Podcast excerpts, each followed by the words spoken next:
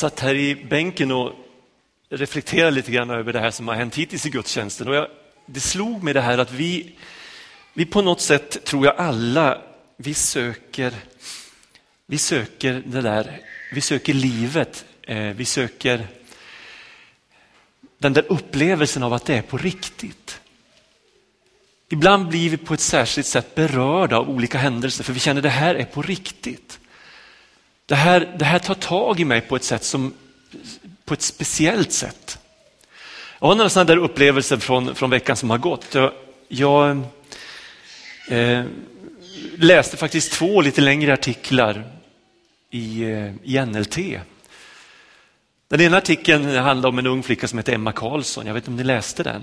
En indisk flicka som kom som fosterflicka hit till Sverige när hon var bara liten. Växte upp här på landsbygden utanför Lidköping och nu gör hon praktik på RIA, eller Hela människan som det också heter, med en vision om att kunna hjälpa unga människor som har hamnat i, på livets skuggsida, som har hamnat i missbruk och så vidare. Och jag berördes av den där artikeln och jag har träffat Emma tidigare och jag har berörts av hennes livsberättelse och hennes engagemang för att hjälpa människor som behöver det.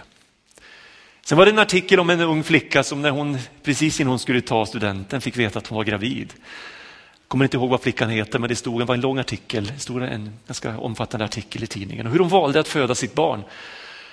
Och jag tyckte hela den artikeln bara utstrålade glädje på något sätt. Det, det var någonting som gjorde mig så lycklig när jag läste den artikeln. Igår kväll så satt eh, Lisa, min fru och jag och såg på det, det blir bättre, eller Så mycket bättre heter programmet. Ett program som jag har sett faktiskt några gånger här i, i höst och tycker är fantastiskt bra. Och igår var det Mikael Wiehe som, som var i centrum om man skulle tolka hans sånger, de andra i programmet. Och det var många fina sånger, men det jag framför allt blev berörd av var, var Mikaels berättelse om sitt liv. Hans eh, möte med kärleken, när han träffar sin fru, en chilensk kvinna och blir så förälskad i henne trots att han hade varit så rädd för kvinnor och rädd för kärleken. Och hur, hur de under en period där levde åtskilda därför att hon var tveksam och så vidare. Men så fann de varandra på nytt och han satt i programmet och sa jag är så tacksam för att, att, det, är, att det är hon jag delar livet med. Och så berättar han om om Björn Afzelius och deras vänskap som bara växte sig, stark, växte sig starkare och starkare med åren och som var som starkast när han dog. Och hur han liksom hur han och Björn och flera av hans vänner har dött i cancer och i sjukdomar. Och hur han satt där och sa, jag, jag kan känna mig så ensam ibland. Och då sa jag till Lisa att jag blir så berörd när män har kontakt med sina känslor och när män kan säga sådana saker att jag kan känna mig ensam ibland. Eller jag kan, jag kan uppleva sån lycka ibland. Jag kan känna mig så berörd av kärleken och så vidare. Det gjorde intryck på mig. Vi söker livet, vi söker det där att det är på riktigt. Jag ska fortsätta predika idag ifrån eh, Hebreerbrevet 12. Eh, en serie predikningar som jag är inne i som heter Med blicken på Jesus. Och jag kommer att sammanfatta lite kort de två andra predikningarna och så ska jag ha ytterligare en tanke här idag omkring den här texten. Så här står det, när vi nu är omgivna av en sådan sky av vittnen, låt oss då även vi befria oss från allt som tynger, all synd som ansätter oss och hålla ut i det lopp vi har framför oss. Låt oss ha blicken på Jesus, trons upphovsman och fullkomnare. För att vinna den glädje som väntade honom uthärdade han korset utan att bry sig om skammen och sitter nu till höger om Guds tron.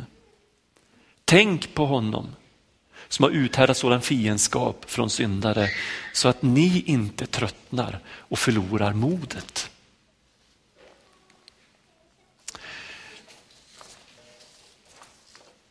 Hela kapitlet innan, det elfte kapitlet i Hebreerbrevet, handlar om människor som genom sin okuvliga tro har gjort en skillnad. De har på något sätt satt avtryck i sin omgivning och vi uppmuntras att hämta inspiration ifrån från de här förebilderna. Och när man tittar på de här förebilderna som, som eh, författaren här hänvisar till så är det inte berättelsen om människor som hade koll på tillvaron. Tvärtom, de gjorde misstag. Eh, det är berättelsen om människor som trots att tillvaron ofta framstod som fullständigt obegriplig. Och det tilliten till Gud var det enda man hade kvar på något, så man höll fast vid det. Tilliten till Gud var det enda man hade kvar. Och därför är de förebilder. Och nu säger författaren, ha de som gått före och visat vägen som era förebilder. Han säger vidare, låt oss befria oss från allt som tynger oss. All synd som ansätter oss. Med andra ord, vi har inte råd att bära en massa onödiga bördor genom livet. Utan vi behöver skala av oss allt onödigt som tynger oss. Och så säger han, ha blicken på Jesus. Hur gör vi det? Hur behåller vi blicken på Jesus? Och Det är det jag har försökt besvara i, i, i, några predikningar tidigare och som jag kommer att fortsätta med idag. Och Det kan ofta vara lättare att beskriva diken, alltså vad vi inte ska göra om man ska beskriva hur, vad, vad vägen går. Så jag kommer fortsätta att lyfta fram tankar kring det som, som distraherar oss, som på något sätt får oss att byta ner oss. Från det bästa till någonting som vi kanske tycker kan vara legitimt och bra, men det är inte det bästa. Det tar blicken, det tar fokus från det viktigaste. Det komplicerar våra liv och det gör att vi släpar på en massa onödig last. Man skulle kunna kalla de här sakerna för, för, för ersättningar för det som är äkta. En sorts garderingar eller, eller surrogat för det äkta. Och alla de här sakerna som jag har pratat om och kommer att prata om innebär att jag i någon bemärkelse tar tillbaks kontrollen. Istället för att lita på Gud. Jag låter andra saker fånga min uppmärksamhet istället för att ha blicken på Jesus. Och som vanligt när jag predikar här framifrån så predikar jag först och främst till mig själv. Jag står inte här som någon som, som på något sätt eh, lyckas eller alltid klara det här med att ha blicken på Jesus, utan jag predikar till mig själv. Och tänk om jag kunde få hjälpa dig att, att skala bort lite falsk trygghet. Sånt som du har förlitat dig på men som egentligen inte är någonting att lita på.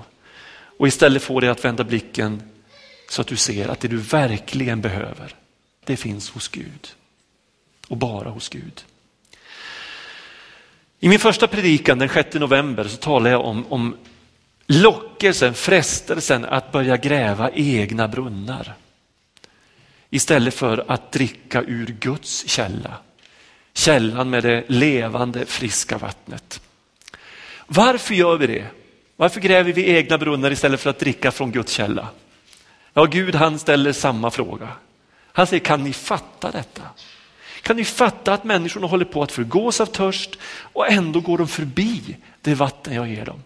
Och så gräver de den ena brunnen efter den andra med förhoppningen att de brunnarna ska vara bättre. Att de ska släcka törsten. Och varje gång gör de samma upptäckt. De får en liten klunk vatten och sen sinar brunnen. Och ändå gräver de en ny och en ny istället för att gå tillbaks till det där friska vattnet som de får alldeles gratis och som finns i överflöd. Jesus och jag har kommit för att de ska ha liv. Jag överflöd av liv. Kan ni fatta detta ni himlar, säger Gud. Att människorna gör på det här sättet.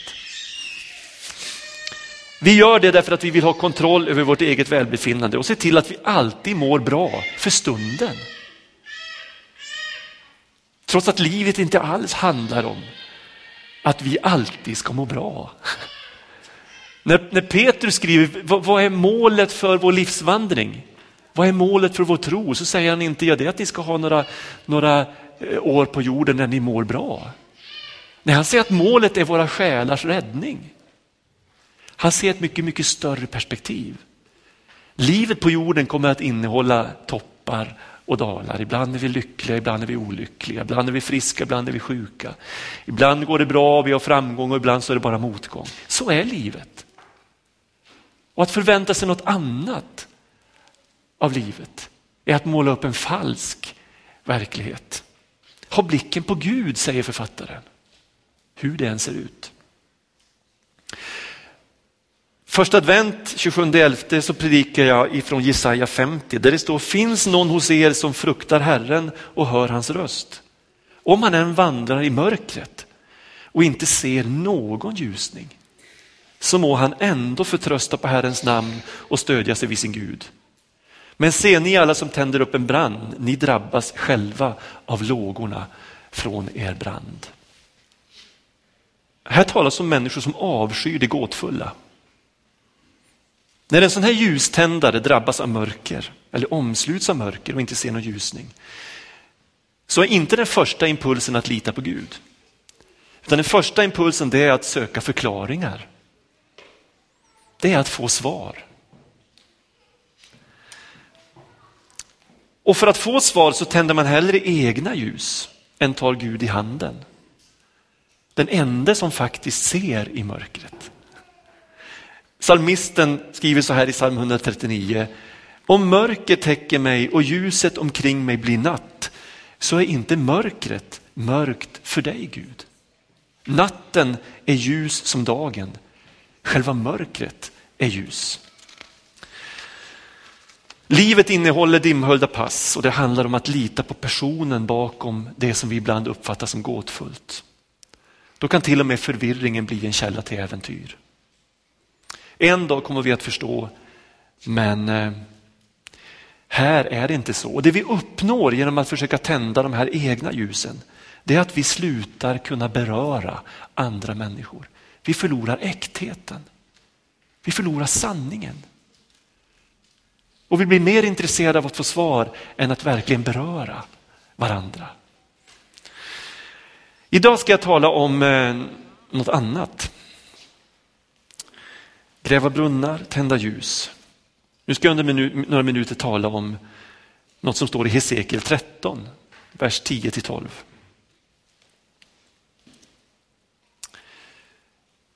De, alltså folkets ledare, har fört mitt folk vilse och sagt allt är väl. Trots att allt inte var väl. De kalkar den vägg som folket har rest. Säg därför till dem som stryker kalk på väggen. Väggen ska falla. Slagregn ska komma, hagel vräka ner, stormvinden bryta lös. Och när väggen faller ska man fråga er, var är nu kalken som ni strök på? Ser ni framför er det här hur folket har byggt en mur kring staden? Man tror att den ska skydda från fienden, men den är inte stark. Och vad, vad gör man? Jo, man ber att ledarna ska förkunna positiva saker. Och vad gör ledarna? De stryker kalk på muren för att den ska se lite bättre ut. Fast det är samma mur, lika bräcklig. Och det visar sig att den håller inte. Det som orsakar allra mest oro i livet det är ovisshet. Jag ska se om jag hittar en textstrof som Maria sjöng. Så här står det. Till en värld som är oviss, där vi gör vad vi kan. Hjälp oss lämna det andra i skaparens hand. Ja, allting förändras, allt blir som förbytt och livets kretslopp har börjat på nytt. Direkt när jag hörde den där, den där strofen så tänkte jag, visst är det så. Att få barn. Maria håller sin lilla Bella där i handen och så hade vi Ebba här, vi har fler barn. Man blir så sårbar. Och visst är det lätt att livet börjar präglas av oro och rädsla. Har vi tron på Gud så vet vi att horoskop och kristallkulor är inget, inget att lita på. Och den enda som vet, han säger inte alltid så mycket. Fastän vi frågar, fastän vi ropar. Vi läser dagligen om våld, vi läser om sjukdomar, om olyckor. En man blir överfallen klockan sex på morgonen när han cyklar till jobbet. Var någonstans? Här i Lidköping. Vi läser om mord i grannstaden Skara. Bortanför mediernas bevakning så sker liknande tragedier varje dag. Barnet som dör i cancer på någon av barnavdelningarna på något av våra sjukhus. Eller som drunknar en solig sommarmorgon eller blir påkört vid den första halkan. Familjen som förlorar sin pappa i en arbetsplatsolycka. Trebarnsmamman som får besked om en hjärntumör som inte går att operera. Vad säger vi till människor som drabbas i likhet med dem? Någon har kanske gått med en smärta i magen under lång tid och brottas med, ska jag söka hjälp? Ska jag kontakta läkare?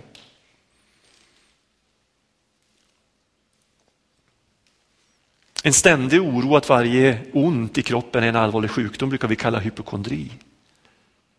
Men finns det någon garanti för att vi verkligen är friska? Plötsligt hör vi sirenerna från en ambulans och så påminns vi om att människor hela tiden drabbas av det som man har bett om att få slippa. Och när barnen är små så oroar vi oss för allt som kan hända. Och vi, första veckorna så kanske man nästan inte vågar somna för man vill höra att de andas. Och att de andas jämt och att det, allting känns bra. Och så tänker vi att när de har tagit examen då släpper nog oron. De har flyttat hemifrån, då blir allting lugnt.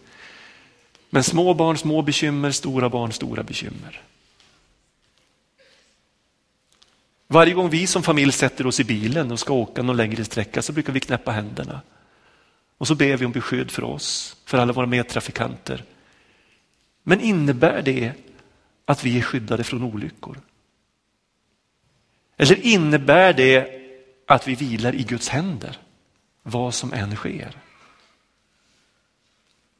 Vi avskyr ovisshet. Vi är rädda för vad Gud kan tänkas tillåta eller låta bli att förhindra. Vi tänker, händer det mig så kanske jag skulle klara av det, men händer det, nej, det klarar jag bara inte. Det kommer jag inte att överleva. Jag skulle bli tokig om det hände. Finns det ett sätt att leva som gör att jag förskonas? Många väljer att göra som de i Hesekiels bok. Man väljer att lyssna till förkunnare som lovar det. Man väljer sånt som kliar i öronen därför att det gör en lugn.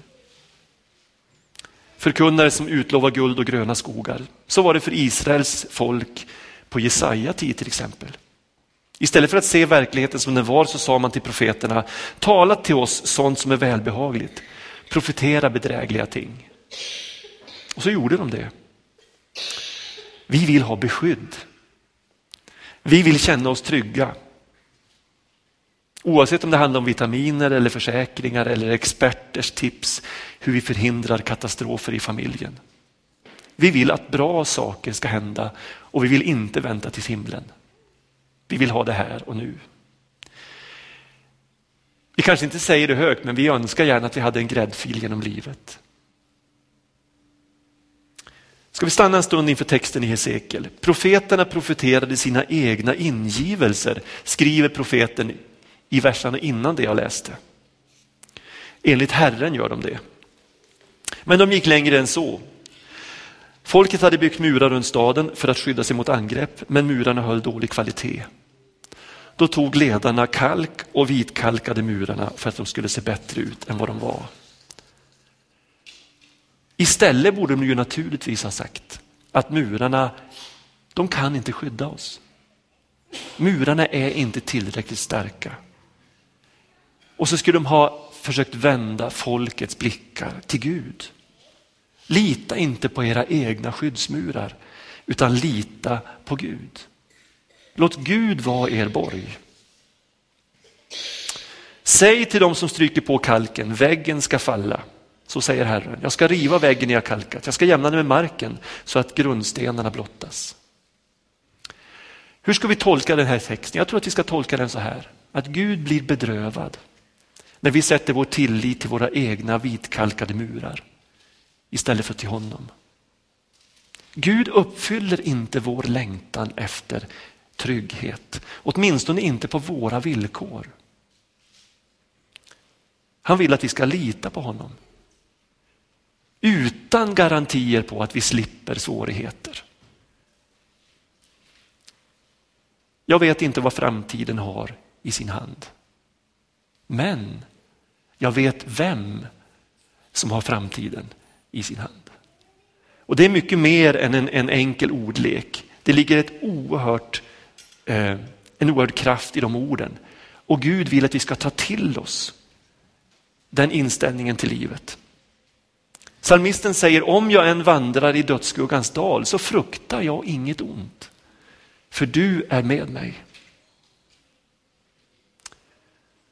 Jag brukar tänka på när människor som är rikt använda av Gud, mitt i en framgångsrik tjänst för Gud, drabbas av sjukdomar och en alltför tidig död. Då kanske vi säger så här, men hur har Gud råd? Att låta de här människorna som kanske står i framgångsrika kristna verksamheter, hur har han råd att eh, ta hem dem? Vi vill kanske gärna tro att sådana Herrens tjänare är skyddade från tragedier. Det finns många exempel. Jag tänker på eh, John Brandström.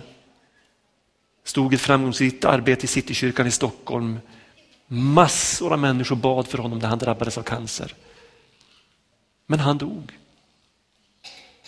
Hans Johansson som har betytt så mycket för så många ramlade ihop i löparspåret, drygt 50 år gammal. En eh, aortabristning. När jag var yngre så minns jag Alfred Lorentzen, en dansk förkunnare som betydde så mycket för så många. Men han dog väldigt ung. Människor i kristna sammanhang stärker ibland sina band genom att vitkalka varandras murar. Vad är det vi skapar när vi gör det? En oerhört bräcklig gemenskap som förr eller senare raseras. En författare som heter Larry Crabb han säger med anledning av just Hesekiel som vi läste. Den som vitkalkar söker inte karaktär utan han söker att vara utom fara. Han avskyr ovissheten mer än han litar på Gud. Han kräver trygghet och ordnar det själv när inte Gud gör det. Och resultatet av hans jakt efter trygghet blir att hans själ aldrig finner vila i Kristus. Och längtan att beröra andra människor kan inte få utlopp. Hans prioritering av den egna säkerheten stänger så att kärlekens kraft inte kan flöda ut. Någonstans hittar vi kärnan i alla de här surrogaten i vår rädsla. Och Johannes han skriver att rädsla finns inte i kärleken utan den fullkomliga kärleken driver ut rädslan. Och då förstår vi att Gud vill driva ut rädslan ur våra liv. Så att våra liv inte är upptagna av att söka trygghet utan att våra liv är upptagna av att beröra andra. Och jag, när jag hade kommit hit i min förberedelse så kom jag att tänka på de här människorna som, som kastar sig ut i hjälparbete, i katastrofområden, i krigszonen. Och de verkar vara helt omedvetna om att de själva utsätter sig för den största fara. Deras enda fokus är, det här är en människa till som jag behöver hjälpa. Det här är en människa till som jag behöver hjälpa. Och med fara för sitt eget liv, för sin egen hälsa, så gör de hjälteinsatser. Skulle jag våga göra det? Skulle jag våga kasta mig ut för att rädda en annan människa? Med fara för mitt eget liv, med fara för min egen hälsa. Jag hoppas det. Hur ska vi kunna beröra människor som drabbas om vi har inställningen att den som lever under Guds beskydd inte kan drabbas? Då måste vi antingen förklara det som har hänt med att personen i fråga har syndat. Vi måste förklara det med att det inträffade är straffet. Eller att det var Guds vilja att det onda skulle ske. Tänk om det istället är så att Gud tillåter det onda fastän han själv inte vill det onda. Tänk om man tillåter det bara därför att han vet att han i det långa perspektivet har kontrollen. Och att det onda i det stora scenariot bara vinner en tillfällig skenbar seger. Att leva med Gud innebär att sträva efter att ha det perspektivet. Att vila, att förtrösta, att låta kärleken driva ut rädslan för att kunna beröra mina medmänniskor. Är det då meningslöst att be? Naturligtvis inte. Jesus säger att vi ska be så här, bevara oss från det onda. Det är helt legitimt att be. Att be om beskydd, att be att slippa drabbas. Jesus själv bad den bönen i Getsemane trädgård, om det är möjligt Gud, låt mig slippa det lidande som ligger framför. Men så fortsätter han, men inte, ske inte min vilja, utan ske din vilja Gud. Och så överlämnar han sig i Guds händer och förtrösta på att Gud har framtiden i sin hand. Han har kollen och det räcker. Jag behöver inte ha den. Bön förankrar mitt liv i Gud, bön förlöser det goda inom oss till att kunna välsigna andra människor. Ha blicken på Jesus, hur dåligt du än mår just nu. Förlita dig på källan i ditt inre. Hur mörkt det än är just nu, vila i att det inte är mörkt för Gud. För för Gud är mörkret ljust som dagen. Hur ovisst det än ser ut, hämta styrka hos honom som prövats i allt, men utan synd. Jesus alltså. Tänk på honom så att ni inte tröttnar och förlorar modet. Amen. Herre, tack att jag än en söndag får stå här och uppmuntra oss att ha blicken på dig. I förtröstan på att det finns inget annat som håller i det långa loppet. Herre, du är vägen som är banad en gång för alla, ända fram till Guds tron. Och du säger att vi får gå med frimodighet fram till Gud. Hjälp oss att inte gå några andra vägar.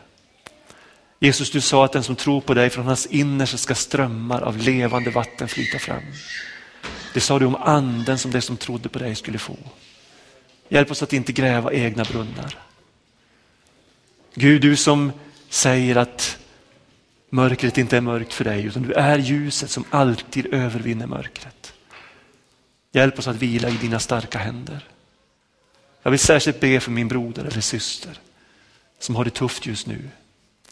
Som kanske upplever det som han eller hon går genom dödsskuggans dal. Jag ber här om ett fokus på dig.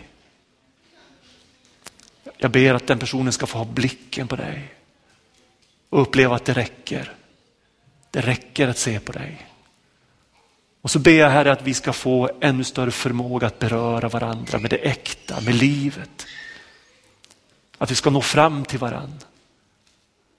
Att vi ska kunna fatta varandras händer och tillsammans gå genom de svåra passagerna i livet.